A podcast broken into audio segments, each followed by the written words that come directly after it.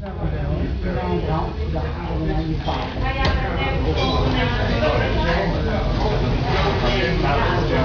you.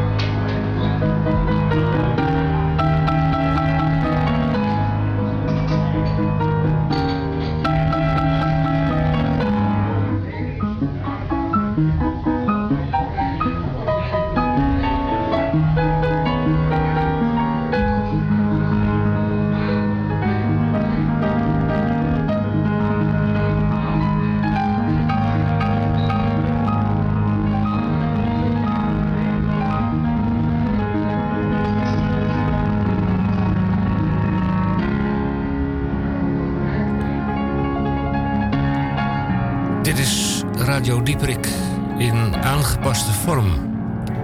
Want Radio Dieperik, wij gedenken hier met eerbied en respect een opmerkelijke man. Julius Visjager. Geboren 28 januari 1937 en op de 6 oktober aangetroffen. Julius is 83 jaar geworden en hij is aangetroffen in het water van de ringvaart. Hij is daar blijkbaar terechtgekomen en door verdrinking om het leven gekomen. Een blijkbaar noodlottig ongeval. Wij kennen Julius al jaren en jaren en jaren. Wij kennen deze man van onder andere Radio Hoe bedoel u? Wij van Radio Dieperik, Tamon J. van Blokland en Henk P. Mewis Pieterszoon. Wij hebben langdurig Julius Visjager bijgestaan in zijn radio Hoe bedoel u? Mijn, onze persoonlijke herinneringen aan Julius Visjager gaan terug naar de jaren 70 van de vorige eeuw. Julius. Julius Visjager was een Nederlandse journalist, hoofdredacteur, fotograaf, uitgever. Visjager bracht The Daily Invisible uit, voor zover bekend de enige handgeschreven krant ter wereld. Daily Invisible een uh, wat misleidende kreet, want het uh, blad verscheen slechts wekelijks en soms ook niet eens. Julius Visjager presenteerde zich aanvankelijk als P van de A-kabouter. Een protestbeweging tussen 1969 en 1974. Ik denk ook aan Kees Hoekert van de Lowland Wheat Company. En aan de anti-rookmagier Robert Jasper Grootveld. Klaas komt! Julius Visjager. Niet alleen P van de A-kabouter destijds, maar heel veel meer betekent in zijn uh, nogal veelzijdig en, ja, hoe noem je dat, kleurrijk leven. Ik zei het al, een aangepaste uitzending. Tamon van Blokland komt uh, kort, kort, kort terug op de Groene Amsterdammer. Misha, we gaan samen met Misha wat herinneringen ophalen aan het spui de sta- en de zithoppen en Café de Zwart. En in het tweede uur onze correspondent Marcel Plaatsman, die ook zijn licht laat schijnen op Julius Visjager. Overigens, de muziek die u hoort, dat is een amateuropname, gemaakt door een onbekende maker. We hebben geprobeerd de maker te achterhalen.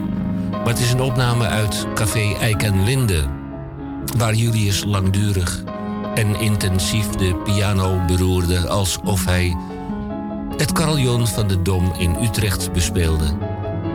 Telkenmalen op de zaterdag van 3 tot 4. Nou, morgen is er een kleine herdenkingsbijeenkomst in Café Eikenlinde, Plantage Middelaan 22.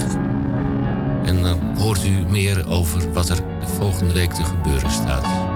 Radio Dieperik. Wij gedenken hier met eerbied en met respect een opmerkelijk man. Julius Visjager.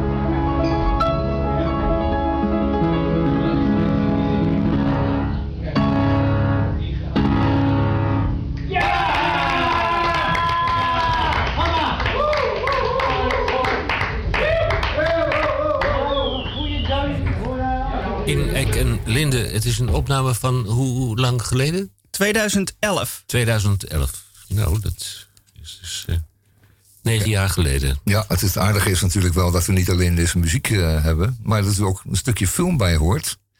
Dezelfde lengte van dit uh, stuk muziek. En dan zie je hem dus, die oude klavierleeuw, met zo'n verbeten gezicht. En met een stevig touché die arme oude cafépiano attackeren. En hij speelt natuurlijk deze Mozart sonate iets luider, met iets meer forte dan nodig, lijkt mij. Want het is natuurlijk wel een lawaaiige caféomgeving. En iedereen is zaterdagmiddag aan het supen en aan het biljarten en aan het kletsen. Dat zeg ik. En dan moest hij overheen. Met, met het geklots van de ballen van de biljarters ja, ja, ja, ja, maar het was, mensen hadden recht om, om daar eh, te kletsen en om te lachen. Maar hij vond dat hij ook recht had om, uh, om een luisterpubliek te hebben wat aandachtig was. Dus dat conflicteerde nog eens. Menigmaal is het meneer Visjager overkomen, is het ons overkomen, dat Visjager aan de piano uh, lag, zat. En stopte in, een, uh, in, in het midden van, van het werk waar hij mee bezig was. Zich, uh, hij stond op, richtte zich tot de aanwezigen van in Eik en Linde en zei dan met een hoge piepstem van... Kan het, kan het misschien wat stil zijn, want ik speel de piano. Ja, dat was iedereen natuurlijk uiteraard opgevallen. En uh, iedereen wist ook dat hij er zou zijn. En hij, men wist ook dat hij, uh, dat hij niet, laten we zeggen, niet de stilte kreeg die, waar hij recht op had. Maar dat was nu eenmaal het leven van een barpianist. Hij is ter, ter entertainment. Ook in Artie heeft hij jaren gespeeld, dat weten we allemaal. Was dat vrijdagavond altijd? Ja, vaste prik. Uh, dinsdagavond. oh, dinsdagavond, however. En speelde daar ook. Maar Artie is natuurlijk, en nog steeds, een uh, sociëteit waar mensen uh, komen om te dineren en om te borrelen en om uh, heel veel te kletsen en om te lachen enzovoort met hun gasten. En als uh, visjager daar boven het klots van de ballen en de geklets uit wilde komen, moest hij ook soms wel eens optreden. En dat gaf niet altijd zoveel. Uh, nou ja, goed, dat begreep men niet altijd. Maar hij is het jarenlang volgehouden. Ja, en, dat, en ruil voor een mooi bordje eten. De volgende Mare doet uh, zich uh, de ronde. Julius die kwam daar een hapje eten. En dan kwam die na de maaltijd, sloop hij naar de vleugel. Ja. En dan tussen zeven en acht uur begon zijn optreden al daar. Nou, dat viel in het verkeerde, dat schoot nou, in het verkeerde niet altijd, Henk, niet altijd, Henk. Het hing er een beetje vanaf of die, uh, die biljarters die daar vlak naast uh, speelden... er waren een aantal fanatieke biljarters... Uh, ook aan het spelen waren. En dan, ja, dan was het allemaal te dichtbij, dicht op elkaar. En ze hadden een, een beetje een hekel aan elkaar. Dat was wel grappig. Nou, en dan werd hij dus opgeschoven. van 7 tot 8 werd 8 tot 9. Oh, ja. Ja, en daarna speelt zich dan een klein drama af. Want? Nou, dan wordt hij uh, opnieuw ingeschaald uh, uh, van, van 10 tot 11 uur. Ja, ja dan, dan is het etenstijd voorbij. Dan hoeft het natuurlijk ook niet meer. En dan loopt die sociëteit zo langzamerhand een ja, klein leeg. beetje leeg. Want dat zijn allemaal wat, wat oudere, oudere, mensen. Oudere mannen. Leden. Ja. mannen en vrouwen. En dat heeft hij toch dat, langdurig volgehouden. Ja. Totdat hij zelf de eer aan zichzelf hield en de, ja, ja, ja. de brui aan. Maar we moeten het even. We, we, gaan nu even wat muziek draaien. Nee, ik ga eerst. Nee, we gaan even wat muziek nog. Het blijft natuurlijk een beetje plechtig vandaag, want het is natuurlijk een uh, herinneringsuitzending. En uh, hij was natuurlijk een klassiek pianist die, die, die serieus uh, werken speelde. Serieus muziek speelde. En daarom zal het ook wel een beetje minder rock'n'roll zijn vandaag dan anders bij Radio Dieprik. Maar ja, dat is nu eenmaal zo. Ik zou zeggen, gewoon erin.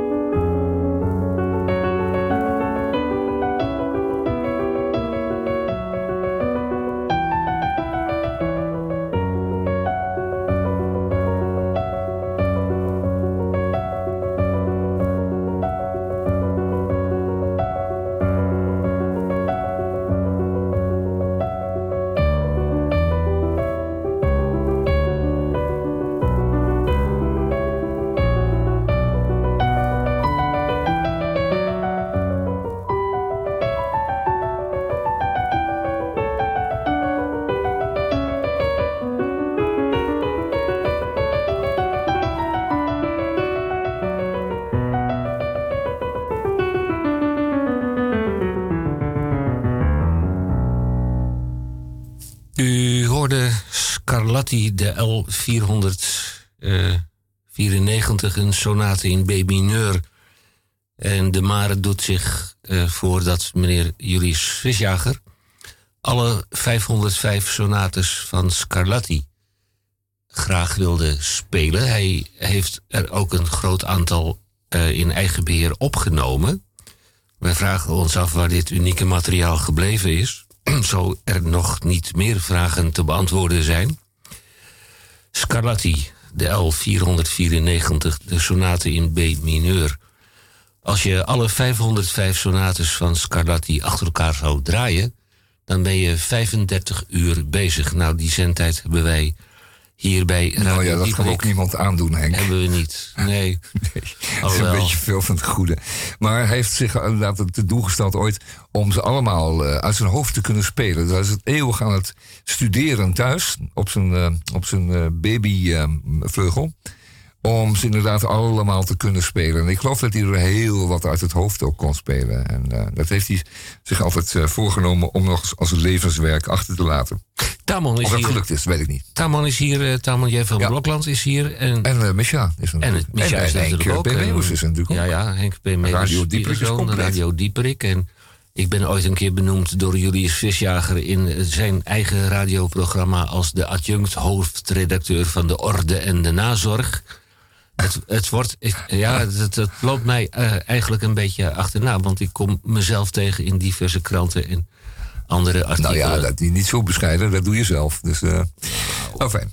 Tamon Ehm, J. van Blokland. Ja, met- Groen Amsterdammer deze week. En, en ik moet zeggen dat het feit dat ik hier de Groen Amsterdammer altijd eventjes bespreek... of althans een inzicht geef in wat er deze week te genieten valt in de Groen Amsterdammer. En dat hebben we eigenlijk al die jaren gedaan. In de jaren eh, 3, 4, 5, 20, 3, 20, 4... ehm, kom ik met eh, de heer Visjager in aanraking... omdat hij toen als ehm, eh, lid van de PvdA... op alle bestuurs- en afdelingsvergaderingen was in Amsterdam-Oost. Amsterdam-Oost was de grootste afdeling van de PvdA in Amsterdam. En ik zat toen in het bestuur en de Visjager was er altijd bij om eh, mee te luisteren... maar ook om commentaar te geven en vragen te stellen... En hij werd gezien als een soort quantité negligible in de zin van dat hij er wel was, maar dat het verder ook geen belang had. Maar hij vond het zelf wel heel erg belangrijk om er altijd bij te zijn. Om de goede orde van de vergadering eh, eh, in de gaten te houden. En ehm, op een dag zei hij van ik heb eigenlijk een technicus nodig in mijn eh, radioprogramma wat ik heb. En toen eh, ben ik daarmee begonnen, zeg maar, sinds eh 2003. Dat is ook alweer 17 jaar. Eh, boven in de studio eh, bij eh, Café de Kroon op het Rembrandtplein. Een Salto-studio van eh, eenvoudig formaat. Dan moet u denken echt aan eierdoos, isolatie. En eh, dat is echt een mooi ouderwetse radiostudio. Ehm, en daar hebben we jarenlang eh, op een, eh, geloof ik op een vrijdag... ehm, eh, Radio Hoe bedoel u gemaakt. Waarbij hij in de studio en eh, de Groene eh, Amsterdammer besprak. Maar zodanig dat je daarna geen zin meer had om die groene te kopen. En ehm daar belde hij in de uitzending mensen op. waar hij dan het telefoonnummer van had ontfutseld. En die mensen werden dan door hem met vragen bestookt. Maar eh, hij maakte A, die vragen niet af. En B, gaf hij mensen nooit tijd om te antwoorden. Want hij had alleen een volgende vraag. En reageerde ook niet op het antwoord dat gegeven werd. Dus dan, dan kon hij bijvoorbeeld vragen... ehm, ehm, eh, is het eh, u bekend dat dat en dat in de Tweede Kamer is afgesproken? En dan verwachtte hij een ja. En dan zei hij, nee, oh, dat hoor ik al. Ik, heb, ik hoor al dat u dat niet weet. Ja, zegt die mevrouw, dat weet ik wel. Dat zeg ik zo even. Ja. Nee, zei hij, dat, ik weet dat u dat het nee is. En zo kreeg die mensen echt allemaal op de kast. En hij belde ook mensen die hem expliciet verboden hadden om nog een keer te bellen. Dus dat kwam omdat hij dat gewoon dagelijks deed. Dus je kunt je voorstellen dat hij als volksvertegenwoordiger gebeld wordt door Julius Vis- Visjager, de, de journalist, de eerste keer dat dat gebeurt. En dat je denkt na een half uur, Jezus, ik hoop niet dat hij dat nog een keer doet, want dat is slecht voor mijn zielenheil. Als hij dat, en dat deed hij dan dus dagelijks. Maar goed, hij had ook vrienden. Eh, Rutte is zelfs weer met, bevriend met hem geworden. En ik geloof zelfs in de tijd Lubbers. En, en eh, eh, de enige met wie hij niet kon opschieten was die, die steile zeeuw. Onze vriend Balkenende. En, en Balkenende en Visjager, dat was echt water en vuur. En Balkenende wilde ook helemaal niks met hem te maken hebben. Hij liep Die liep dan eh, met een stijve rug uh, langs hem heen uh, als bevrijdingse persconferentie waar hij eeuwig moest zijn. Om daarna te kunnen slap kunnen houden met de andere reporters in Den Haag. Maar Balkenende, die moest er helemaal niks van hebben. Die vond dat natuurlijk een warhoofd en die snapte niet wat de visjager daar deed.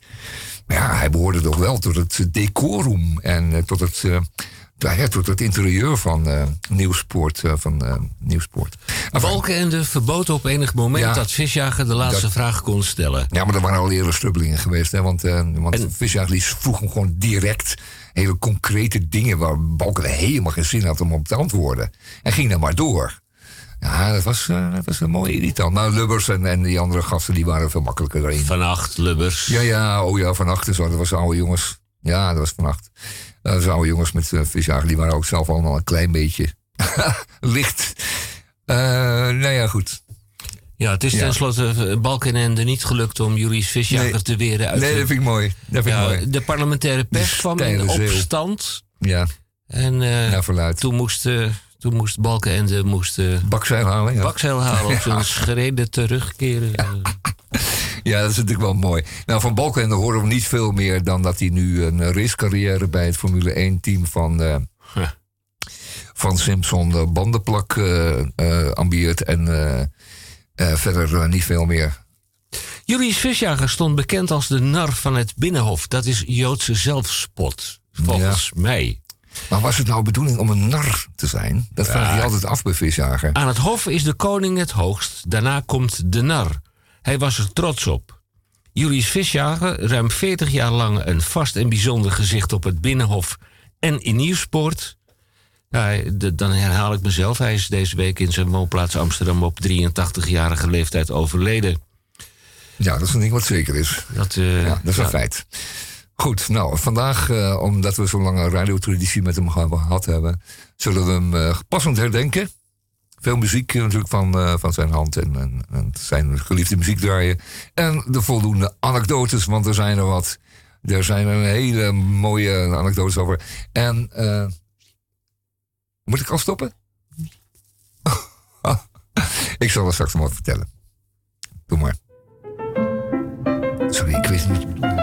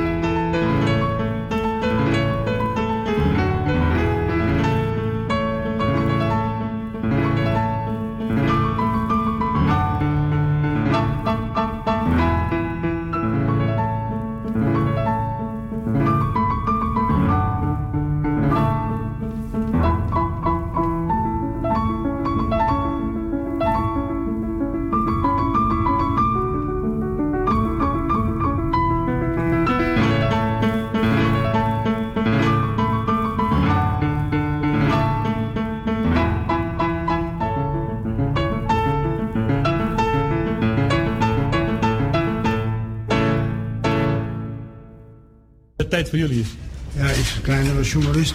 Ehm, mag ik uh, u vragen of u kent meneer Maas, P.M. Maas, die zegt dat hij een vriend van u is. Hij is een burgemeester van Sint-Oeden, ja, in, in ik weet niet eens hoe ik het uitspreek, maar in Brabant. Kent u die?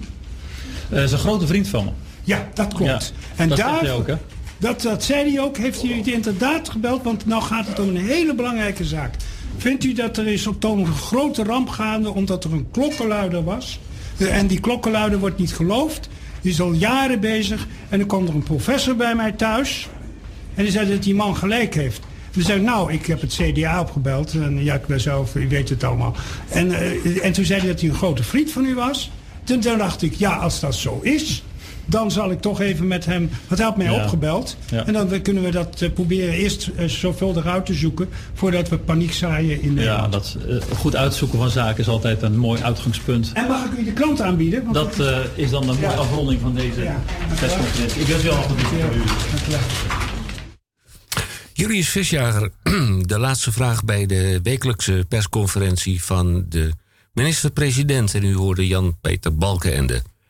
Eigenlijk hoorde Julius niet thuis in de politiek. Hij was geen journalist, vond hij zelf, maar een artiest die verdomd goed piano kon spelen en mensen wilde vermaken. Zo schafte hij zichzelf op de zondagmiddagen in de oude vergaderzaal van de Tweede Kamer regelmatig toegang. Hij speelde daar op een beuzendorfer. En je kon Julius Visjager niet kwaaier maken door te zeggen van Gaat u weer naar Den Haag op zondagmiddag om op die oude Kalashnikov te spelen? Ja. Hij mocht op de zondagmiddag, onaangekondigd in de oude vergaderzaal van de Tweede Kamer, oefenen op de vleugel die daar stond. Een voorrecht dat nooit iemand anders is verleend. Ja, um, dat deed hij inderdaad. En uh, ook, daar, ook daar bonkte hij uh, op die oude Beuzendorf. En die kon daar wat tegen. Uh, de oude vergaderzaal, ja, dat was een plukje, was, dat konden ze afsluiten met grote stille deuren. Dat was een beetje een ding. Er hingen van die, van die geluiddichte deuren om die kamer heen. Um, hij vertelde natuurlijk altijd moppen en uit het Duitse Joodse areaal. Maar we hebben een probleem, want hij zei altijd, en dat is terecht, dat alleen maar uh, dat de Joodse mop alleen maar verteld mogen worden door Joodse mensen. Want die snappen wat de grap en de portée is van zo'n mop. Want ze zijn vaak tragisch en soms wel diep tragisch. En ze hebben altijd iets te maken met, ja, met, met, de, met, het, met, het, um, met, het, met het Joodse bestaan. Dat nu eenmaal niet meevalt. En hij kon dat vertellen. Uh, op zo'n manier dat je dacht van ja, het is ook inderdaad wel tragisch. Zo grappig is het eigenlijk niet eens. Maar goed, hij een hele repertoire. En ik ga het ook zeker niet doen. Maar hij vertelde ook nu uh, grappen over een andere aard. Onder meer deze. Hij was uh, ook wel aardig altijd met de koninklijke familie. Gek genoeg hield hij zich niet aan het protocol of anderszins. Of aan, aan, weet ik veel, omgangsvormen. Hij stapte daar gewoon op toe. En ik weet nog wel dat, dat hij altijd erg, erg trots was op zijn mooie relatie met koningin Juliana nog in de tijd. Later niet zo met Beatrix, maar wel met Juliana, de moeder des vaderlands tenslotte. En um, die waren altijd een beetje maatjes. Juliana klopte hem dan op zijn rug. En hij mocht dan een beetje aan de arm hangen van Juliana. En dan hadden ze het erover. Ik weet niet over de kinderen of zo, weet ik wel. Maar goed, uh, uh, Bernhard hoorde daar natuurlijk ook wel degelijk bij in die entourage. En uh, daar had hij het minder mee. Bernhard was natuurlijk een oude, vooral een oude mof voor, in zijn ogen. Nou goed, en die kon er niet veel goed doen. Daarom had hij ook altijd wel wat grappen over prins Bernhard, het, de prins Gemaal paraat. En een daarvan is de volgende. de Bernhard en uh, Lubbers zitten aan een uh, diner in uh, Saudi-Arabië of een ander rijk olieland.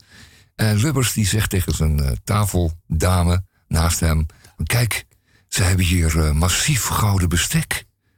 Man, ik, ik steel een lepel. Die hebben, we hebben de soep op, dus dan, dan, dan, dan hebben we die lepel toch niet meer nodig. En die had ik. Dus Lubbers die pakt die gouden lepel en die laat hij in zijn colbert zakje glijden. En even later tikt Bernhard, die ook aan het diner was, tikt tegen zijn glas. En die zegt, ik wou even wat vertellen. Ik heb uh, ik heb nog een onvermoede kwaliteit. En dat is dat kantoor voor. Ik kan goochelen. Hij zegt, kijk, hier heb ik een gouden lepel. En die laat ik hier in de zak glijden. En hier, dames en heren, buig ik me over en pak de gouden lepel zo uit de binnenzak van Ruud Lubbers. Julius Visjager. Hij staat in de krant. Een ingezonde mededeling, een uh, brief van René Leblanche uit Almere. Ja, wie is dat nou? Geweldige kerel. Ik kende Julius Visjager sinds 1990, toen ik in het oude politiebureau in de Linnaeusstraat werkte. Hij deelde er regelmatig zijn handgeschreven krant The Daily Invisible uit. Ik nodigde hem in 2003 uit voor een rondleiding in het nieuwe politiebureau en dat vond hij geweldig. Jaren eerder had ik hem trouwens ook al eens ontmoet. Ik was aanwezig bij een bezoek van koningin Juliana aan de brouwerij op de stadhouderskade. Een wat apart figuur schoof naast de koningin naar voren en ik dook er bovenop. Wat bleek? Het was Julius. Hij had gewoon een uitnodiging. Het koninklijk huis kende hem. Julius moest later altijd grijnzen als ik met hem op het voorval terugkwam. Het voorval benoemde. Een markant figuur is niet meer. René Lablanche, Almere.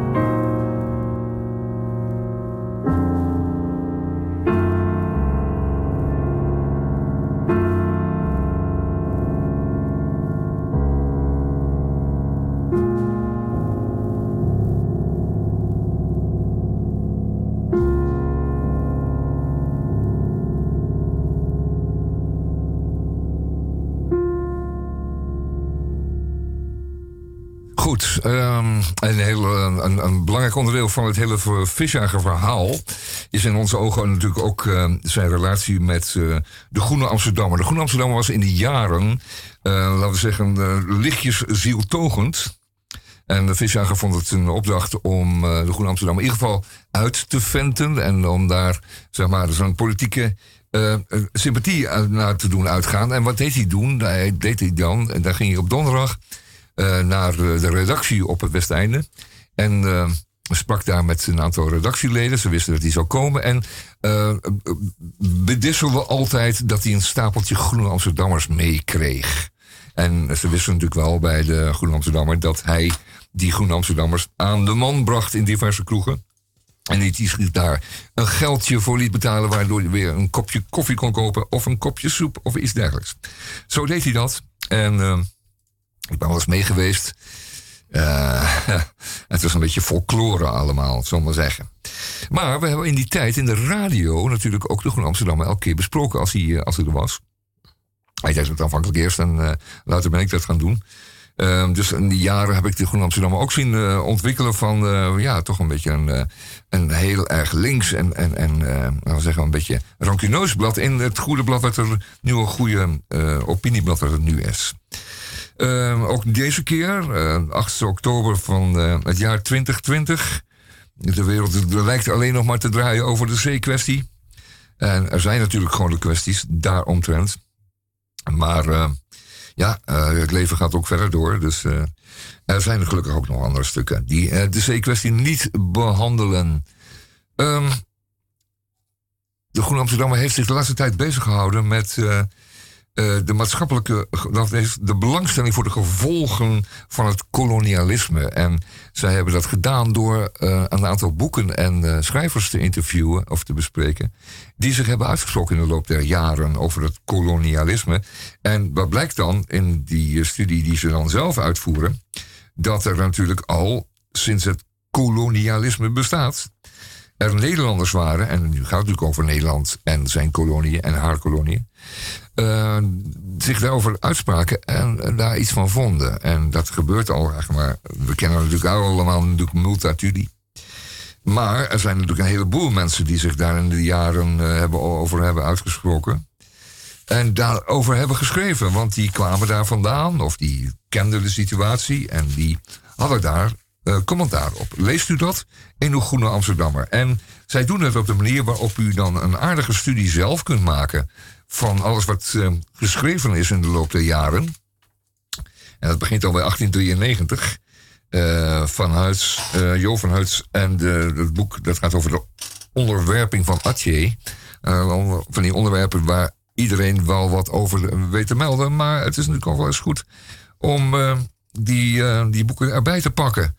En te zien wat voor soort onverschilligheid en, en, en laten we zeggen, houding die Hollanders, uh, Hollandse kolonialen hadden, in, vooral in het oosten. Enfin, leest u dat in de Groen Amsterdammer van uh, vandaag? We hebben natuurlijk vandaag iets meer te doen dan uh, de Groen Amsterdammer. Maar als je dan weer zo'n plaat ziet van de heer Albert Kuip, en die kennen we van een ander van, van zijn markt, maar dit was een, laten we zeggen, een Hollandse koopman hij was de opperkoopman van de VOC. En dan zie je die Hollandse kop. Die staat op Ruksdaalders en dubbeltjes. En zijn vrouw, dat, de, staat op dubbeltjes en, stuivers en centen. Die uh, beetje, ben, een beetje benepen blik. Die geknepen mondjes. En die ogen die zeggen is daar nog wat te verdienen? Nou, dat soort figuren hebben in het verleden in de Oost ook inderdaad hun zakken kunnen vullen. Een stuk van Chris van Heijden.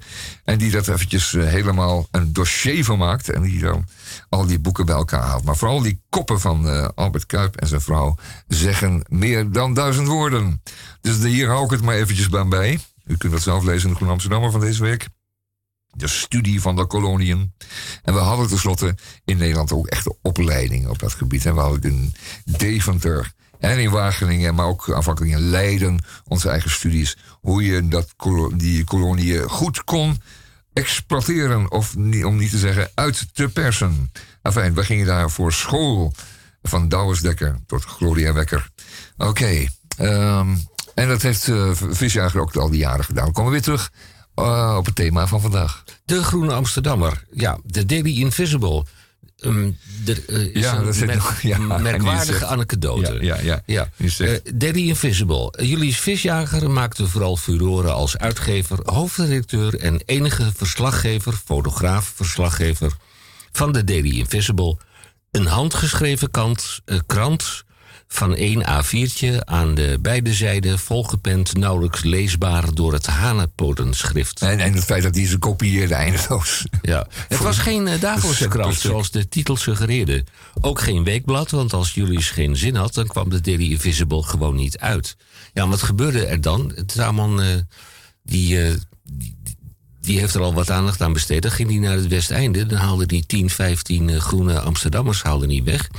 En dan ging hij de Daily Invisible ging die verkopen voor 2 uh, gulden 50. En dan kreeg je dan... zoveel ik dacht dat het gulden was, maar... 2 gulden 50, Oh, ja. toen- En dan, en dan kreeg je er uh, de Groene Amsterdammer als bijlage Oh ja, bij de Daily bij. Invisible. Ja, had je voor 2,50 had je en de Daily Invisible en de groene, ja. Ja, en eh, de Daily Invisible is eh, natuurlijk in heel politiek Den Haag bekend. En de- dat had natuurlijk al te maken met de handgeschreven antwoorden van de minister-president op de, de, op de vragen van Julius. Hij eh, had achtereenvolgens op de korrel Dries van Acht, Ruud Lubbers, Wim Kok. Daar is hij weer Jan-Peter Balkenende en zijn grote vriend Mark Rutte. De vijf eh, premiers die eh, werden door eh Julius Visjager altijd bestookt. De tekst op een... En als vriend beschouwd ook. Ja, nou ja, behalve dan Jan-Peter Ja, Balkenende. behalve Balken. Ja, en dan doet er zich nog een, een, een hele kleine anekdote doet zich, voor.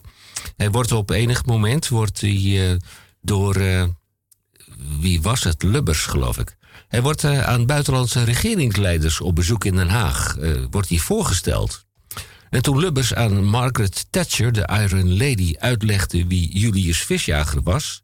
He is the editor-in-chief of the Daily Invisible. Ze reageerde nogal afgemeten en zei: The Daily what? The Daily what? Ze dacht dat ze in de maling werd genomen. Dat is een anekdote. Ja. Opgetekend naar waarheid. En Visjager zegt altijd, en toen zei ze, dat moet de Daily Invincible heten.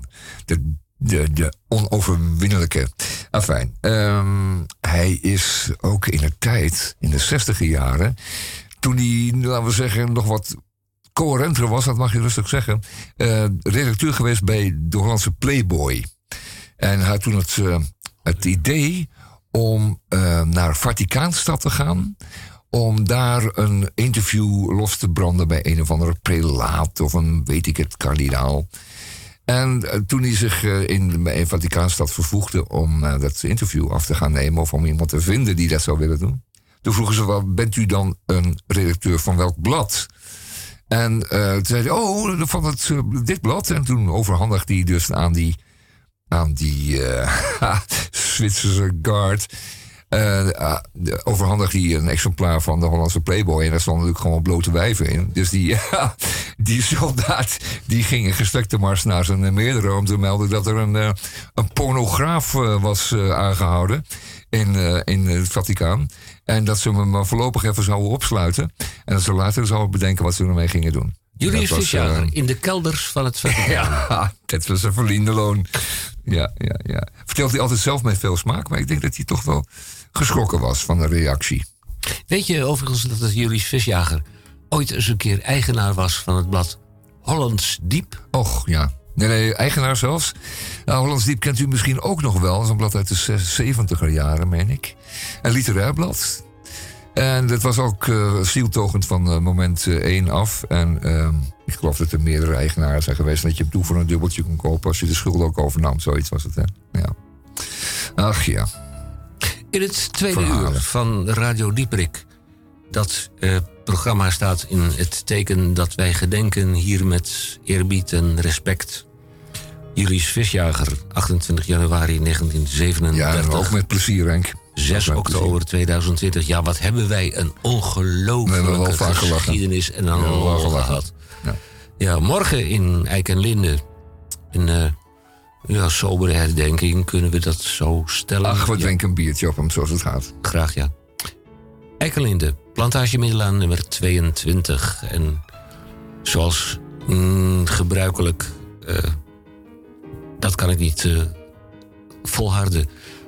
Wij hopen op eh, de komst van Julius Visjager van 3 tot 4. Nou, hij is er dus. Nou, we niet. draaien wel een cassettebandje. Dat hebben we al inmiddels afgesproken. Er ligt ook een, eh, een schriftje, een condoleance schriftje. Een schriftje. Schriftje. Oh een kahiertje. Goed, we gaan het doen. Nog eh, een paar minuten in de eerste uur. En we een- draaien nog wat muziek. Tweede uur krijgen wij onze correspondent uit Noord-Holland, Tessel, in het bijzonder Marcel Plaatsman aan de telefoon. Die heeft ook een eh, op Julius Visjager toegeschreven bijdrage. En ik ga ook in het tweede uur ga ik, eh, sparren met eh Misha, want wij hebben nogal wat te verhapstukken rond, ja, Rond? ro- rond, rond het, het wievertje. Het lievertje, oh. het spui. Oh, oh zit- vandaar ja, die cafés erom. Ja, er ja. Zit, er zitten de staarhoppen. Ja. En eh Ja, daar weet ik weinig van. Ik, heb daar nooit gesopen. Ja, maar en ik hebben ons zaten. huiswerk gedaan. Oké, goed. Wij gedenken hier met eerbied en met respect en ook met heel veel plezier eigenlijk. Julius Visjager.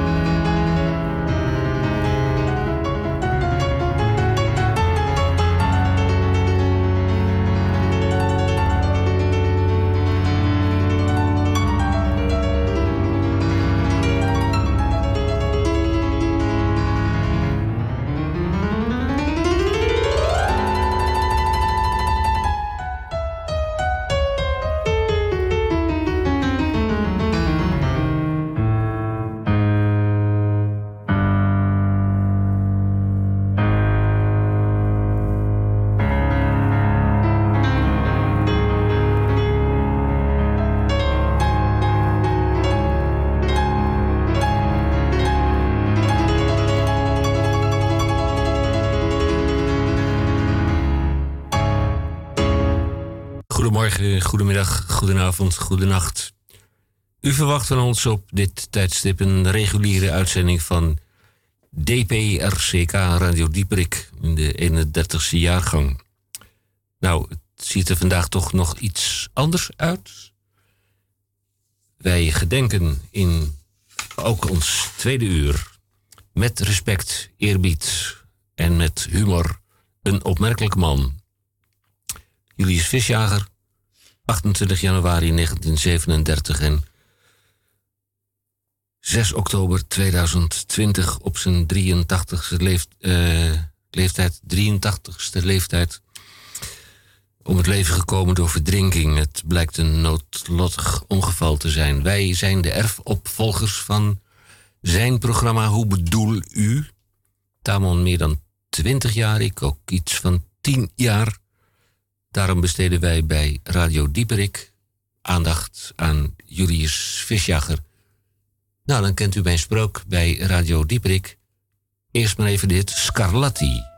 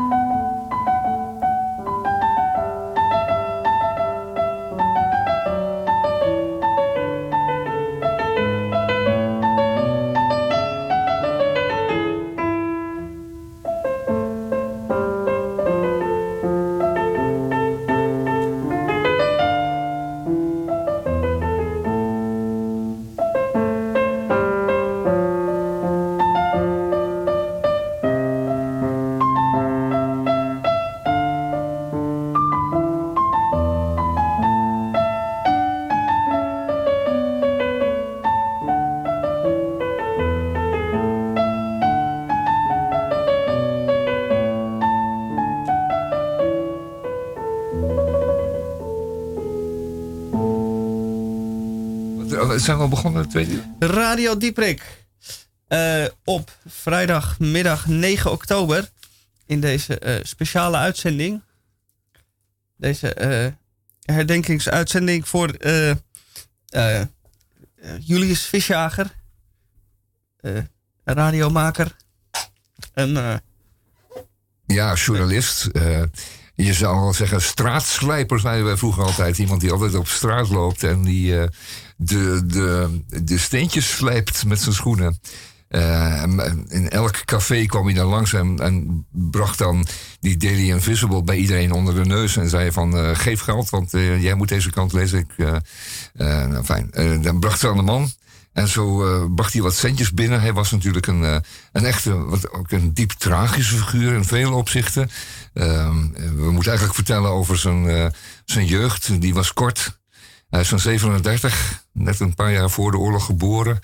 En, en toen die eerste anti-Joodse maatregelen in Amsterdam in 42, 41, 42 kwamen. Ja, toen werden die, ehm, die Joodse mensen in Amsterdam vooral bij elkaar gedreven en allemaal die Joodse Schouwburg op de plantage Middelaan binnengedreven en daar gevangen gezet. En uh, Julius was een van die kinderen die dan ook met die gezinnen meekwamen en die dan nog dagen in dat, in dat theater moesten doorbrengen alvorens ze weer opnieuw bijeengeleven werden en in trams werden geduwd en naar het Muidenpoort werden gestuurd om dan met de trein naar Westerbork vervoerd te worden. Om daarna vermoord te worden in diverse moordcentra van de Duitse bezetter in de tijd. En Julius is daar ontsnapt. Hij is een van die kinderen die toen onder de hoede werden genomen van de mensen aan de overzijde van de straat, waar een kindercrash was gevestigd, daarvoor al. En um, die mensen uit die kindercrash die hadden gezegd van laat ons nou voor die kinderen zorgen en die babytjes. Want er waren echt hele kleine kinderen bij, hè? baby's en, en peutertjes en, en, en, en kleuters. En die werden dan een beetje opgevangen overdag in de crash. Uh, maar omdat er zoveel waren en omdat de Duitse de bezetter in CQ, eh, de, de, de directeur van de, de Schouwburg, en niet goed overzicht had in wie er nou eigenlijk precies binnen waren. Er werd meer gewoon geteld. Zo, we hebben er 341 en dan moeten er ook weer 341 uit. Uh, kon die, uh, konden de mensen van de, van de crash en overzijde van tijd tot tijd een paar kinderen er uit die, uit die groep kinderen snaaien. Die werden dan snel tussen een aantal handelingen van, van heen en weer die straat over, werden die apart gehouden. En die werden dan s'nachts of op een ander moment werden die overgegeven aan uh, vooral jonge mensen, studenten. Uh, en die gingen met die kinderen de trein in. Of die gingen met de fiets de stad uit en probeerden die kinderen dan veilig onder te brengen. Ehm, op plaatsen waar die kinderen dan veilig zouden zijn. En afhankelijk van hun uiterlijk werd er een beetje gekozen voor, voor ofwel Friesland ofwel Limburg en Brabant. En Limburg en Brabant weten we, daar zijn natuurlijk ook eh, donker, uh, donkerharige mensen. En dan vielen Joodse kinderen wat minder op. Die konden dan gewoon een kind zijn van zo'n gezin waar zo'n zo'n kind werd ondergebracht. En de wat blondere, de wat lichter gekleurde kinderen, die konden naar Friesland. Dan konden ze daar ook weer in grote gezinnen worden ondergebracht. En uh, vele daarvan zijn op die manier door de oorlog gekomen en zijn niet uh, vermoord in, uh, op al die afschuwelijke plekken. En Julius Visjager was er één van. Uh, hij is toen gered door die mensen. Is terechtgekomen bij een onderduik adres en een familie. En is daar gewoon als kind opgenomen. En na de oorlog bleek dus, toen het kind ehm, ja, een jaar of tien was, of nee, dat was hij nog eigenlijk helemaal niet, was pas acht of zo, is hij ehm, onder de hoede gekomen van een, van een mevrouw met wie eigenlijk gewoon de echte kind-moederrelatie eh, zou hebben. Uiteindelijk. En, en diens naam heeft hij, naar ik vermoed, ook overgenomen. Hè? Was het zo, Henk? Henk is nu ook de studio binnengekomen. Die kent ook wat uh, details van dit verhaal. Julius Visjager is geboren als Julius Vleeskruijer. Vleeskruijer, ja. Zo heette de, de, de, de eerste man van zijn moeder. Nou is die hele familie Vleeskruijer die is natuurlijk efficiënt uh, omgebracht in de oorlog. Dus die, toen Julius uh, de, uit de oorlog kwam toen eh, er was er eigenlijk helemaal niemand meer over van die hele familie. Drie pleeggezinnen. Drie pleeggezinnen heeft hij gehad. Maar van zijn familie, eigen familie, was er weinig meer over. En eh, hij was toen eigenlijk een beetje ontredderd kind. Hij werd er wel goed voor gezorgd, zeker. Maar ehm, ja, dat is nu eenmaal de tragiek die rond deze eh, Joodse kinderen hangt. En Ed van Tijn, eh, de uh, latere burgemeester van Amsterdam, was er ook zo een van. En zo zijn er nog wel hier en daar wat van die Joodse kinderen die eh, groot geworden zijn en die we later nog veel van gehoord hebben. En Visjager was er een van. Eh, maar goed, de tragiek en, de, en, en het verdriet eromheen, dat hing altijd rondom me heen. Hè. Dat was natuurlijk, hij was natuurlijk een, een weeskind. Een weeskind dat uit de oorlog komt. Een kind van 7, 8, 9 maximaal. Toch nog goed terechtgekomen. Ja, dat zou je dan zeggen, maar dat, dat, dat heeft Gemankeerd. ja, nou, het heeft, het heeft heel veel eh, trauma's achtergelaten. Hij, was natuurlijk, hij werd natuurlijk van het ene gezin naar het andere gesleept. Niet, maar in ieder geval in, in, in geheimzinnigheid eh, doorgegeven. En dat laat zijn sporen achter. Dat is wel een ding wat zeker is. Alleen de meest stevige karakters kunnen dat soort eh, ellendige omstandigheden tijdens je jeugd echt zodanig overleven dat het later of weinig meer een rol speelt. Maar bij Visjager, ja, heeft het gewoon eh, flink ingehakt. Plus, ja, hij, eh, hij was natuurlijk altijd wel aparte, zou ik maar zeggen. Twintig jaar studie, eh, rechten, nooit afgemaakt. Ja, ja. Wat zei hij ook alweer over, over de HAVO? Nee, wat zei hij over de MAVO? Wat zei hij nou? Ja, dat was van die, van die eh, uitspraken. Hij had dan iets van tien keer eindexamen gedaan eh, voor de MULO. Ja, dat was de MULO. En eh, elke keer begon hij er weer aan, maar dat, hij kon zich niet gedurig concentreren. En dat is ook de reden geweest dat hij zijn eh, studie aan het conservatorium, want hij uiteindelijk toch nog heeft gedaan, grotendeels, toch niet tot en met het examen kon, kon afmaken. En hij zei altijd, om, ja, het mankeert dan, eh, dan mankeert het gewoon aan je opleiding en aan een normaal leven. Hij is dan weliswaar getrouwd geweest, heeft een dochter gekregen, maar dat, dat, die familie, dat gezin, eh, dat spatte ook al na korte tijd uit elkaar. En die wilden elkaar nooit meer zien. En hij heeft er erg onder geleden zijn hele leven dat zijn dochter hem niet meer wilde kennen en niet meer wilde zien. En mocht hem niet meer in de buurt komen. Zijn dochter verbood hem gewoon om bij dat gezin wat zij toen alweer had eh, langs te komen. Dat Ken vond hij altijd erg verdrietig. De naoorlogse geschiedenis van Julius Visjager in het Oostblok. Eh, nee, in het Oostblok, nee. Weet je daar iets van? Ga ik je vertellen. Ja. Eh, gedurende een korte periode heeft eh, Julius Visjager in Oost-Duitsland aan de Hubo- Humboldt Universiteit Ja, in Oost bij Berlijn. Oost-Berlijn. Ja. Ja. En dan is er ook nog een verhaal dat En hij. hoe kwam hij daar terecht? En heeft hij dat ooit verteld? Dat heeft hij aan mij verteld. Ah. Hij komt iemand tegen en als Julius iemand tegenkwam, net als de muzikanten bij de Koninklijke Wachtkamer eh, beneden eh, bij Amsterdam Centraal Station, dan nodigde hij zo'n complete orkest uit om hier zigeunerdeuntjes te spelen. Dat hebben we een keer meegemaakt samen. Ja. Nou, om een lang verhaal kort te maken, Julius Visjager die komt iemand tegen en die had contacten in het Oostblok buitengewoon interessant. En Julius Visjager is natuurlijk een, eh, een grote vis. Een buitengewoon interessant mens. En op dat moment gebeurt er iets bijzonders. Nou, Julius Visjager krijgt een uitnodiging van de eenmalige DDR, de Duitse Democratische Republiek. En hij verhuist eh, Naar Oost-Berlijn. zonder, zonder na te denken, verhuist hij naar Oost-Berlijn en studeert daar dan een aantal maanden. Eh, hij heeft het geen half jaar Ja, wat, volgehouden. wat, studeerde hij dan? Welk vak deed hij daar dan? Eh, ook rechten en muziek. oh, ja, ja, ja. ja. Rechten, ja. ja, Zo'n en- rechtenstudie, ja. Daar kon hij wel mee, eh, een beetje mee, ja, en toen hebben ze hem op ja. enig moment hebben ze hem weer geëxporteerd. Over de muur gezet. over de muur naar het Vrije Westen. Want de meneer was namelijk zo nadrukkelijk aanwezig.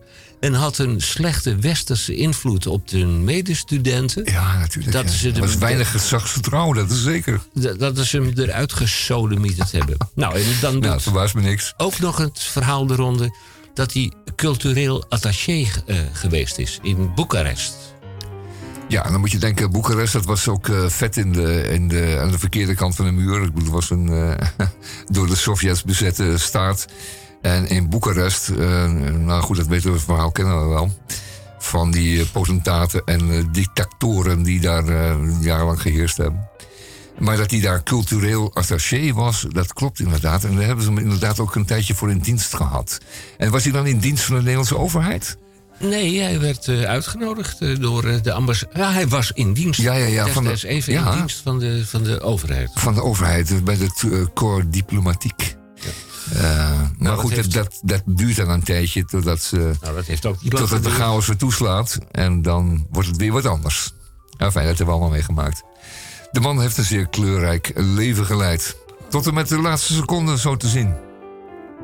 Wij gaan eh, contact opnemen met onze correspondent in Noord-Holland en Texel in het bijzonder.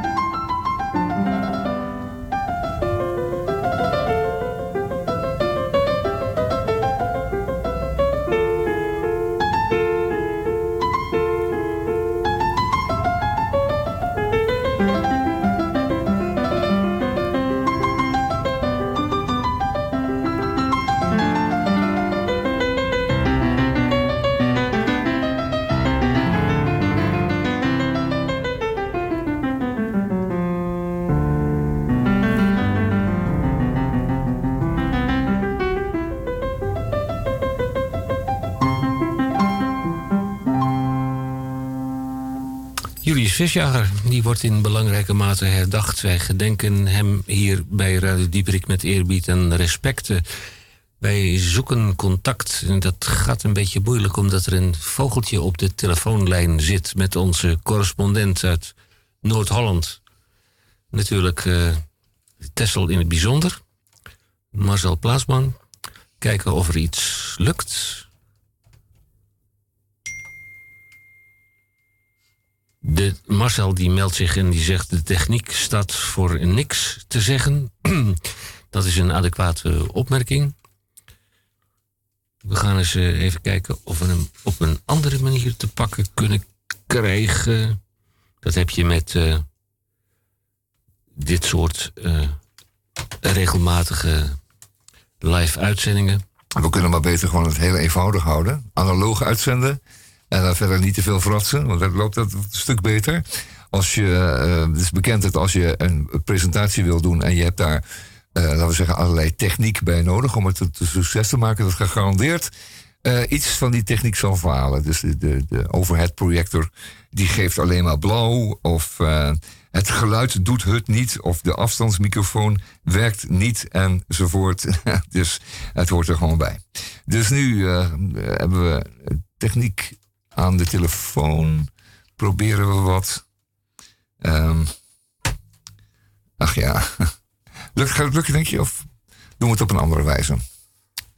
Ik uh, sta nu in uh, bijna in rechtstreeks contact. Maar bij, ik heb een telefoonnummer waarop je ons zou kunnen bereiken. Maar dat ga ik dan buiten de uitzending even doen. Want anders gaat iedereen ons bellen. Want wij zijn zo geliefd als ik weet niet wat. Van hier tot aan de overzijde en terug.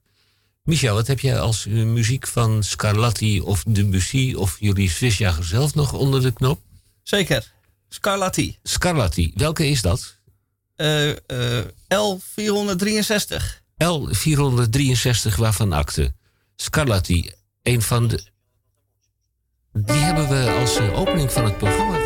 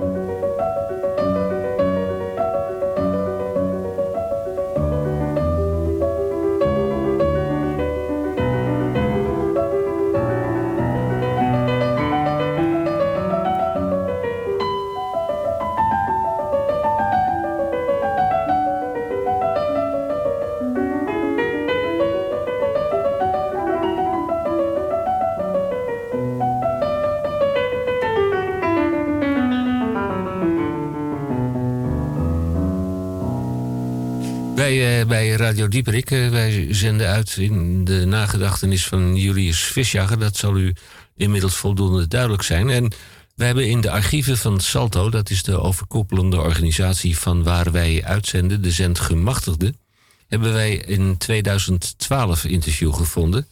Julius Visjager in gesprek met Rob Broekhus. En ja, wij uh, vinden dit een sprekend voorbeeld van dat zoals het in die tijd allemaal gegaan is.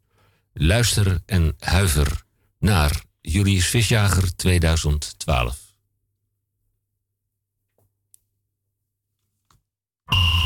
Ja, goedemorgen. Ik zie het met het gekke petje op. Ik heb een gek petje op, dames en heren. Daar ben ik voor geslagen. Kijk, is niet geslaagd, maar geslagen. En het is aangegeven bij de politie en die zegt, oh, je bent een valse aangever. En het wordt toch wel, dit wordt echt nieuws. Want naast mij zit iemand die weet te vertellen, en daar heeft hij ook gelijk in, dat uh, de overheid voor een uh, miljard belazerd wordt omdat uh, zakkenvullers het in de zakken hebben gestoken. Dat, dat, is eigenlijk de kern van de zaak, hè? Nou, het is iets andersom. Het gaat er dus om dat ik oh, de regering aangeboden heb en de Tweede Kamer om een miljard te kunnen bezuinigen op de begroting van justitie. Ja, dat, als advocaten niet ja. meer mogen liegen in de rechtszaal. En ja, maar dat is een advocaat is om te liegen. Zullen we het zo meteen... Kijk, een advocaat is natuurlijk bij voorbaat een leugenaar. Want weet je waarom? Omdat een advocaat een advocaat is. Kijk eens, en wat is de bedoeling? Dat je met leugens en bedrog hè, de rechter zodanig maakt dat hij erin gaat geloven. Oh. Zo werkt het. En als je kunt bewijzen dat de advocaat liegt voor de rechter, wat gebeurt er dan? Dan zegt de rechter, dan uh, heeft de advocaat ongelijk en dan heb ik gelijk. Nee hoor, ze slikken de leugens uh, en nalatigheid van advocaten als zoete koek. Ik ben deskundig op dit gebied. Ah. Ik ben ervaringsdeskundige. Kijk eens even, dat is meneer Brokhuis en die ik komt ben... helemaal uit huizen geloof ik hè? Ik ben redacteur. Ik ben redacteur van de Sociale Data. Ja, en dat is een krant en daar moeten jullie even naar luisteren. Eh, dat gaat eerst de heer Broekhuis vertellen, want dat is nog belangrijker dan mijn krant. Want ik heb de Daily Invisible.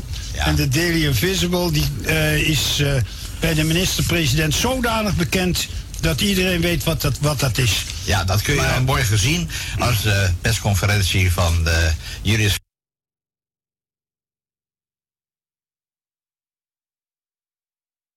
Er lijkt iets mis te gaan. Wat is dit? Stop je er gewoon mee? Nee, wat jammer. Dat is natuurlijk ook in het kader van de door ons georganiseerde bende-uitzending uh, uh, gewoon goed. Want tijdens de live-uitzendingen van meneer Visjager in, vanuit uh, oorspronkelijk. Ja, in gebouwde Ja, ja, of gebouwde Er ging zo vaak wat mis dat we, als het goed, als het goed ging, vonden we dat echt wezenlijk opvallend. Maar het ging eigenlijk altijd mis omdat iemand uh, kwaad de horen erop smeet. Of omdat iemand zich niet thuis uh, veinsde. Of anderszins. Of visjager had gewoon zo'n dag niet. Dat kon ook allemaal nog. Um, maar dit was weer typisch zo'n zo'n voorbeeld. En er is nog geen interview. Ja, daar zijn we weer. ja, toch? Dus tegen oh, ja. Nout Welling de vraag: was het niet verstandig geweest om alleen ABN Ambro te nationaliseren? Ja, maar, dat heb ik gemerkt, want ik ben nog 100.000 euro door kwijtgeraakt. Maar zonder Fortis. Echt. Zonder Fortis. Maar die dacht niet Fortis. En dat heeft niemand ook in de pers goed begrepen. Nou, reken maar. Maar ze dat scheelt wel. mogen er niet over schrijven. Nou, weet je wat dat scheelt? Dat scheelt 16,8 miljard aan wat wij hebben betaald aan de Belgen. Ja, dat weet ik. Paribas, ik weet er alles van. Ja, maar de commissie de Wit heeft daar niet naar gekeken. Ja, natuurlijk hebben ze ernaar gekeken, nee. maar ze hebben het niet verteld in het openbaar. Ze zwijgen erover. Maar dat is iets anders. Ja. Kijk eens, de minister-president, kijk eens, er wordt ook bijvoorbeeld in China gezwegen dat er 50 miljoen vrouwen de laatste tijd vermoord zijn. Omdat ze uh, uh, geen mannelijke kinderen kregen, maar vrouwelijke kinderen. Die zijn met een nekschotten om zeep gebracht. 50 miljoen. En er is geen hond die het interesseert. En Amnesty mag er niet eens in heb ik alles met Amnesty. Kijk, de wereld zit vol met zorgen. Ga verder. Ja, goed. Ik uh, wil daar toch op uh, teruggaan. Wat de commissie de Wit ook niet gedaan heeft, is namelijk de bron van de financiering boven water halen. Nee, natuurlijk niet. Ho, ho, ho, ho, ho. Jij zegt natuurlijk niet. Is nee, dat, natuurlijk. Is, is, dat een geheim? Tuurlijk. Oh, nou, nou heb je gelijk. Het is een geheim. Want Geen Nederlander, geen Amsterdammer die nu zit te luisteren, heeft ook maar een halve euro op tafel gelegd om die aankoopprijs van de ABN AMRO en Fortis te betalen. 30 miljard hebben wij dus uitgegeven aan de Belgen. Maar niemand heeft daar iets voor op tafel hoeven leggen. Waar komt al dat geld vandaan? Nou, heel eenvoudig. Ja, zeg jij, het is heel, heel eenvoudig. En eenvoudig, de betalen ze onderling aan elkaar, de zakkenvullers. Kijk eens, nee, nee, nee, nee. Kijk eens, als het van belang is, ja. dan gaat het niet meer om geld. Ja. We hebben een hele wereldoorlog voor gevoerd, voor miljarden. Het gaat om er macht. Worden miljoenen, het gaat om macht. macht. En als er 50 miljoen mensen worden vermoord, hè, geen hond weet dat. He, dan zeg ik toch, er is wel wat aan de hand in Nederland. Ik zou, ik zou willen dat een paar van de luisteraars de Nederlandse bank gaan Even bellen. bellen, ja. Even bellen. Nog even telefoonnummer, ja? Ja, van de Nederlandse bank, hè? De Nederlandse bank, ja. De Nederlandse dat bank is meneer Nauta, hoe heet u ook Nee, nee, Klaas Knot, dat is de voorzitter. Klaas Knop? Knot. Knot? Ja, ja, ik vind het nou, een beetje vreemde naam, maar goed. Geachte meneer Knot, wilt u even bellen? Nee. Ik geef het nummer even, want ik heb de vraag. 020 788 4329. Ja. En ik zoek het nummer van de Nederlandse bank. Goed. Ja. Ik heb de vraag aan meneer Knot. Waar komen al de miljarden vandaan die dus betaald zijn geworden aan alle banken om ze boven overeind te houden? En B, aan de Belgen om dus die twee banken, Fortis en ABN AMRO, te, te kunnen kopen. Niemand heeft dat geld op tafel gelegd. Ja, ik weet wel wie dat gedaan heeft. Nou, dan moet je het vertellen. Nu. Da Dagobert Duck. Duck? Dagobert Duck, dat eentje wat hier voor mijn neus staat. Hier zo, eentje? Dagobert. Die heeft al die miljarden uit de kelder van, van uh, Nout Welling gehaald, de Nederlandse bank. En die heeft gezegd, we maken nieuw geld erbij. We drukken het gewoon bij. Dat doen de Amerikanen, dat doen de ECB in, in Frankfurt doet dat. Miljarden. Ongeveer 16 miljard hebben ze erbij gedrukt. Meer. 30 en, miljard gewoon bijgedrukt. En dat is een goeie. En daar heb ik dus uh, Wouter Bos een compliment. De Duitsers, Duitsers dat ook niet in 1934. nee, dat oh, oh, ik weet het allemaal niet. Vertel me maar. Nee, de 30 jaren, de Weimar Republiek, hadden we dus geld uh, in de, de particuliere zakken laten stromen. M miljoenen. Postzegels van een miljoen was heel gewoon. Ja, ja. prima, ja. Maar nu is dus uitsluitend geld gecreëerd om de gaten tussen de banken te vullen zodat het systeem kon blijven functioneren. En daar heb ik Wouter Bos een compliment voor gemaakt. Op dit moment drukt de uh, Centrale Bank van Amerika, de Fed, 2 miljard per dag bij nieuw geld. Oh, lekker. En dat is heel hard nodig, willen ze dus niet in een deflatoren economie terechtkomen. En alle economen in Nederland waarschuwen het kabinet, ga alsjeblieft niet bezuinigen, want daarmee vermoord je de economie. Dat zie je dus in Griekenland, dat zie je in Spanje, in ja, Ierland. Dat, dat verhaal ken ik. Ik heb zelf ook economie erbij gedaan van professor Heertje. Die belde me van de week nog. Ja, maar jij bent een hele aardige man, maar je, van geld heb je totaal geen verstand. Net zo min als bankiers of economen. Oh, nou, ik heb anders die boeken van de financiële meneer Stevens, of weet je ook alweer, die uh, ja, maar professor komt... heb ik helemaal door moeten zitten ploeteren. Stel je nou voor dat ik gelijk heb dat bankiers, economen en politici... Nee, ik stel het me niet voor. Je hebt gelijk. Nee, niet weten, Anders zou je niet zitten. Niet weten wat geld echt is. Waar het vandaan komt, waar het verdwijnt en wat het doet. Hoeveel capaciteit voor werkgelegenheid en welzijn heeft een, een, dat muntje. Robert, of jij toch Robert? Ik heet Rob, ja. Rob Brokhuis, uh, die heeft gelijk, want anders zou hij hier niet zitten. Juist, ho, ho, ho. Ik mis de vragen in de pers. Ik mis de vragen in de Tweede Kamer. Goed. Jullie hebben nou eens uh, over de historie gesproken. Ik zou uh, terug willen naar de dag van vandaag. We zitten dus met gigantische problemen, verarming, voedselbanken, kredietcrisis. En niemand weet wat geld is. En dat is het probleem waar ik graag over zou willen praten. Nou. Waar halen we het geld vandaan? En hoe wordt er gelogen in Den Haag over datgene wat wij als belastingbetaler zouden moeten betalen? Dat is, dat is Julius die geld aan het gooien is. Ja. Dat is volgens mij even een, een soort ja. bewijs van dat hij toch wel iets van geld heeft. Ja, weet. Ik, ik wil gewoon vragen dat aan de regering, en die vraag mag jij stellen. Ja? Bij wie ligt de soevereiniteit van ons geldsysteem? Ligt dat bij de centrale bank in Europa? Bij de Nederlandse bank? Of ligt dat bij de geldmarkt in Londen en Wall Street. Ik denk allemaal. Allebei. Ja, denk ik. alles. En, ik, eh, en wat zal hij dan zeggen? Ja, dat is net zo'n vraag. Je zegt me, Nee, wie nee, nee, nee, nee, Dit is van bloed. Nee, nee, nee, laten wij ons niet chanteren door Wall Street en, en Londen, de city. Nee joh, want ik wil die chanteren toch helemaal niet hier. Ja, die chanteren ons helemaal op. Waarom dat ons? Wie zijn die ons? Jongen, ze chanteren de Grieken ook. Helemaal kapot maken. De Grieken, alle Grieken, weet je waar die Grieken vandaan komen? Nee, even wachten. Het zijn geen Joden, het zijn Grieken. Ik wil toch iets uitleggen. Waar het om gaat is dat we dus nu een bezuinigingspakket over ons heen krijgen... zonder dat dat eh, een goede reden heeft.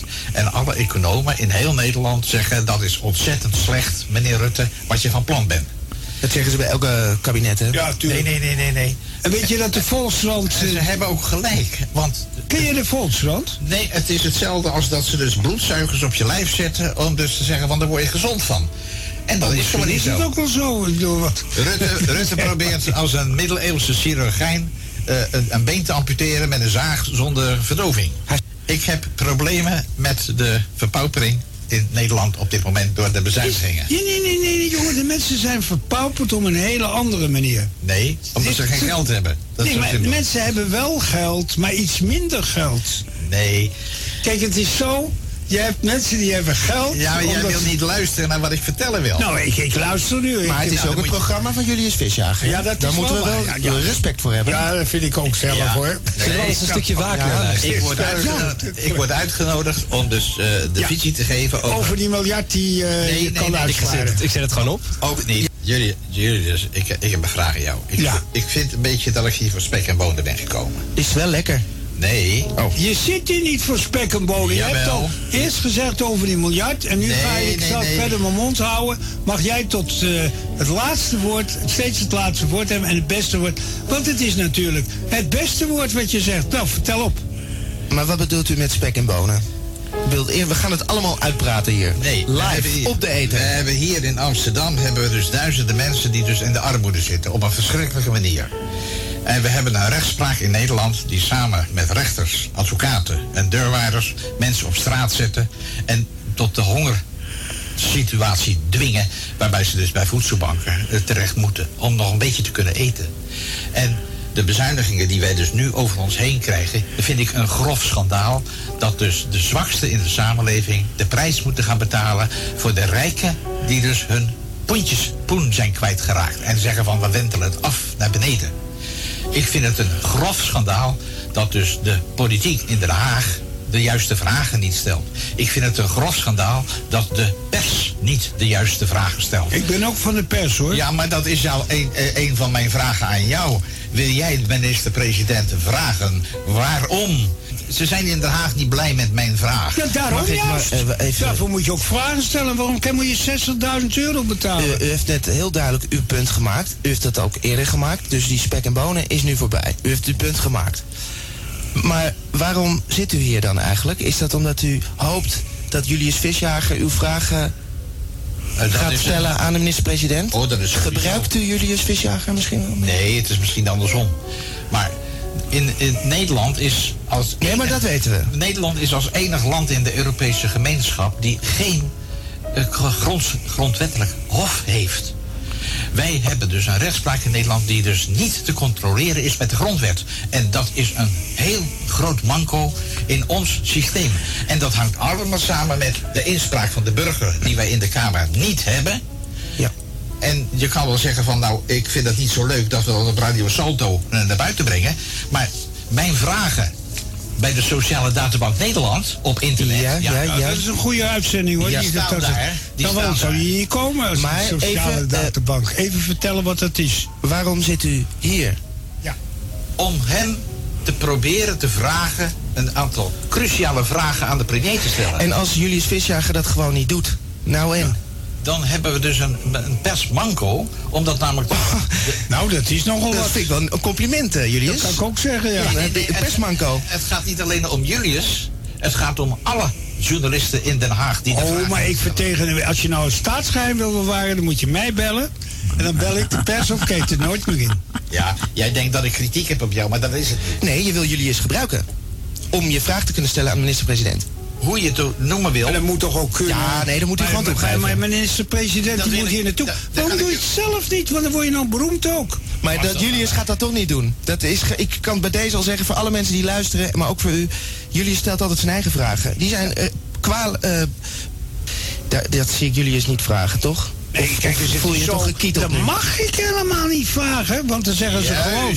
Juist, de eh, Rijksvoorlichtingsdienst heeft jou verboden om Ja, vragen waarom? te stellen. En dat is waar. Waarom? Want ze zeggen dat de man zelf moet vragen ze moet stellen en niet eh, in de gevangenis moet worden gezet. geweldig. Nodig mij uit bij de persconferentie van... Nou, eh, Maar, maar- ah, juist. Nou zie ik uw ware aard. Nou, dat is. eh u komt gewoon vrijdag met mee en dan even vra- vragen of Erik ook komt. Wanneer gaat u, komt u op de televisie Ja. van Amsterdam? E- Erik heeft een belangrijke functie, dat heb ik al lang Ja, in de ja, natuurlijk. Die heeft zijn eigen televisie. Hoe heet het? Maar, maar wacht even, dan. eh, eh, Voor de meneer gaat mee vrijdag? Natuurlijk, want. eh, Natuurlijk. Maar die spek en bonen, pas op hè. Het kan gebeuren dat het niet doorgaat. wat? Nou ja, misschien wordt meneer niet toegelaten. Dat is toch Oh, ook dat is een- iets anders. Als je toch meegaat, is het nog veel belangrijker. Als je niet toe wordt gelaten, dan ben je pas belangrijk. Ja. Ja, maar dat, eh, dat heb ik wel vaker gehoord. Nou ja, Nou ja, dan eh, is het nu eh, klaar, toch? Ja, dan stuur je een politieagent of je zorgt iemand. Ik ken je wel Willem Hendrik ervoor voor. Nou, nee, er zijn nee, al nee. twintig mensen die wilden mee. Het ANP wil mee. Ik ga even naar de wc. gebeld. De eh, Telegraaf heeft gebeld. Hey, het Ad. Heeft gebeld. Ja, het is allemaal waar. Wil ik de namen ook nog noemen van mijn vrienden? Weet je bij wie ik ook heel graag aan tafel zou willen schuiven? Nee? Pauw en Witteman. Ah, Paul een Witteman, Witteman die denkt dat hij piano kan spelen. Dat kan hij wel hoor. Het gaat mij Maar- niet om muziek, het gaat mij om het vrije Pa- woord. Paul Witteman en ik hebben dus een conflictje gekregen over het feit dat ik belangrijker word gevonden dan Paul Witteman. Want die is helemaal geen lid meer van de parlementaire pers. Oh, dat zou kunnen, geen idee. Ja, maar ik wel. Maar ik ik- ben zelfs erelid, zeggen ze. Ik wil gewoon de, Wat dat is, weet ik ook niet hoor. de problematiek waar een heleboel miljoenen mensen mee zitten, Ja, gewoon... terecht, terecht. Dus wat. Maar er zit een klein probleempje in. Neem nou even een partij mee. Dus neemt de, bel de Partij van de Arbeid op en zegt: Ik heb een probleempje wat ik niet alleen kan oplossen. Oh, dat heb ik al gedaan. Ik heb, ik heb Jeroen Recour gevraagd. Ja, die ken ik, ja. Job, Job Cohen heb ik gevraagd. Ja, maar die is eruit. Job Cohen moest weg, want die was. eh, wat had hij ook weer? eh, die was niet goed genoeg om in de Kamer te komen. Wilde dus, eh, die was een bedrijfspoedel genoemd. En ik had een eend meegenomen, Ja. die mocht niet in de Kamer, want zou, je maar alleen bedrijfspoedels mogen en geen bedrijfseenden. Jij hebt een, een, een perseentje bij je. Ja, dat perseend. Het is, het is jammer van de televisie. Maar ik kan u vertellen, de vorige is gestolen. En die, had een, eh, die was een beetje geel. En dit is helemaal echte eend. Want Ja, hij is mooi. Dit is prachtig. Ja. En de vrouwen die aaien me allemaal. Het was natuurlijk bedoeld als lokeend dat die vrouwen mij zouden aaien. Maar dat moet ik niet zeggen op de radio. Want Het is natuurlijk iets heel slecht. Daar is de radio niet voor. Ja. En dan kom jij ook. Als en dan als ik zou mee mogen, dan... eh, ja, maar je moet wel zelf de, de treinreis betalen. Maar je hebt een auto misschien. Nee, dat geeft helemaal niet. Het gaat er dus om... Gaat erom, ja. Mag ik een vraag stellen aan meneer Rutte? Dan moet je aan meneer Rutte vragen. Dan bel je de RVD op. We- Ah. gaan we nu even vragen. eh, zal ik even de RVD opbellen? Ja, en ja, ja, ja, nou, ja, ja, gelijk. ja, dan bellen we even. Nou, dat, dat, In de uitzending, in. Zal ik even het nummer noemen of zal ik het even geheim houden? Want anders belt iedereen de RVD weer op. Ze hebben de vorige keer ook zich uitgegeven voor GPD. En de GPD weet van niks. Nee, vraag jij of de journalist van de Sociale Databank Nederland een vraag mag stellen in de persconferentie aan de premier? Weet ik het nog veel beter gemaakt. De premier heeft een persconferentie. En daarna Ja. komt hij met mij koffie drinken Ja. in Nieuwsport. En daar zijn nog de beste journalisten van Nederland. Die zeggen, willen jullie even ophoepelen? Er zit hier een veel betere journalist. Die wil even Ik ben eh. Ik ben ja, nee, dat gaat natuurlijk. Als je niet, geen goede journalist bent, dan moet je niet in Den Haag zijn. Ja. Ik heb fundamentele vragen. Nou, daarom. En daar gaat het om. om daar ga je morgen mee, ga naar, naar Den Haag, kom je daar om, om, om, om eh, als de minister-president om kwart voor één heeft hij een persconferentie. Het kan ook om twee uur zijn, maar om vier uur is hij ermee klaar. Ja, die is er dan uitgezet, omdat die ministers die hadden geen trek in kolen. Ja. Maar die gooit hij zo'n kool naar de koningin. En de koningin die staat ermee te zwaaien in de Telegraaf. Kijk, dat kan in Nederland. Ja. Met de kool te zwaaien die dus eh, mijn vriend Brandsma, abonnee natuurlijk. Ben jij eigenlijk abonnee van mijn krant? Nee. Zonde. Ik, ik schaam mij diep. Ja, nou, dat zou ik ook maar doen. Maar ik volg je altijd op televisie. Nou, je bent niet eens abonnee van mijn krant en je wil dat ik vragen stel die jij eigenlijk zelf veel beter kan stellen.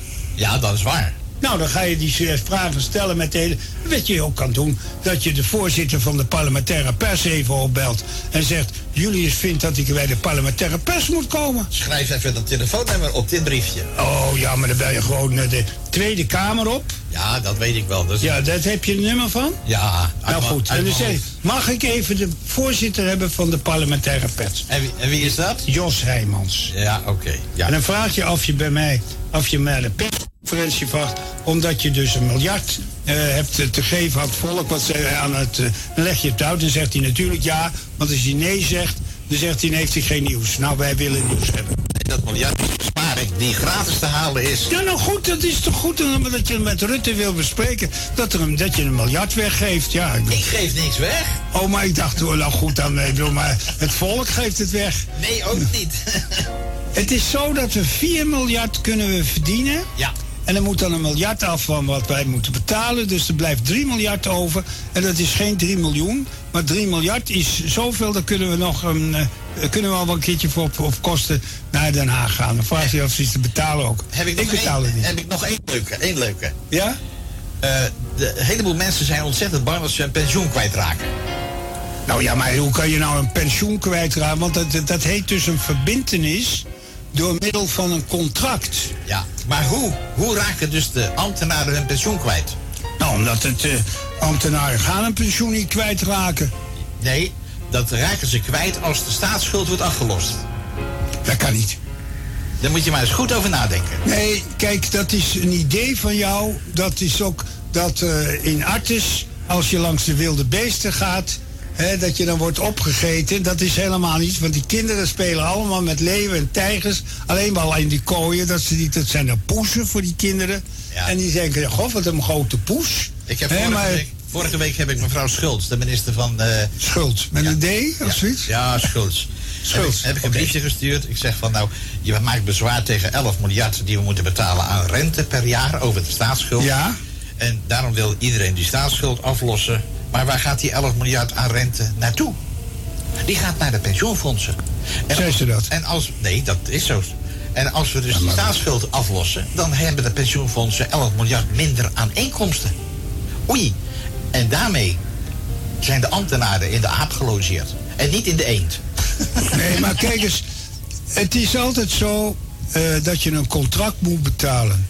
Ook al heb je schulden. Ik heb Dat de heet telefoon bij eh, de pacta sunt servanda. Dat betekent afspraken eh, zijn door wet beschermd. Dat is nog belangrijker dan een, staatsrecht. een column dat voorbereid, een taalcolumn. hele Dus ik ga het maar gewoon doen. En als het niet lukt eh, binnen de tijd, dan is Dus het spijtig. Het is al jaren geleden dat ik met Henk aan de bosbaan afsprak. We gingen daar zitten op het terras, keken uit over de vijver, die een landingsbaan lijkt, en hebben zitten wachten tot Tamon kwam, die nog kwam ook.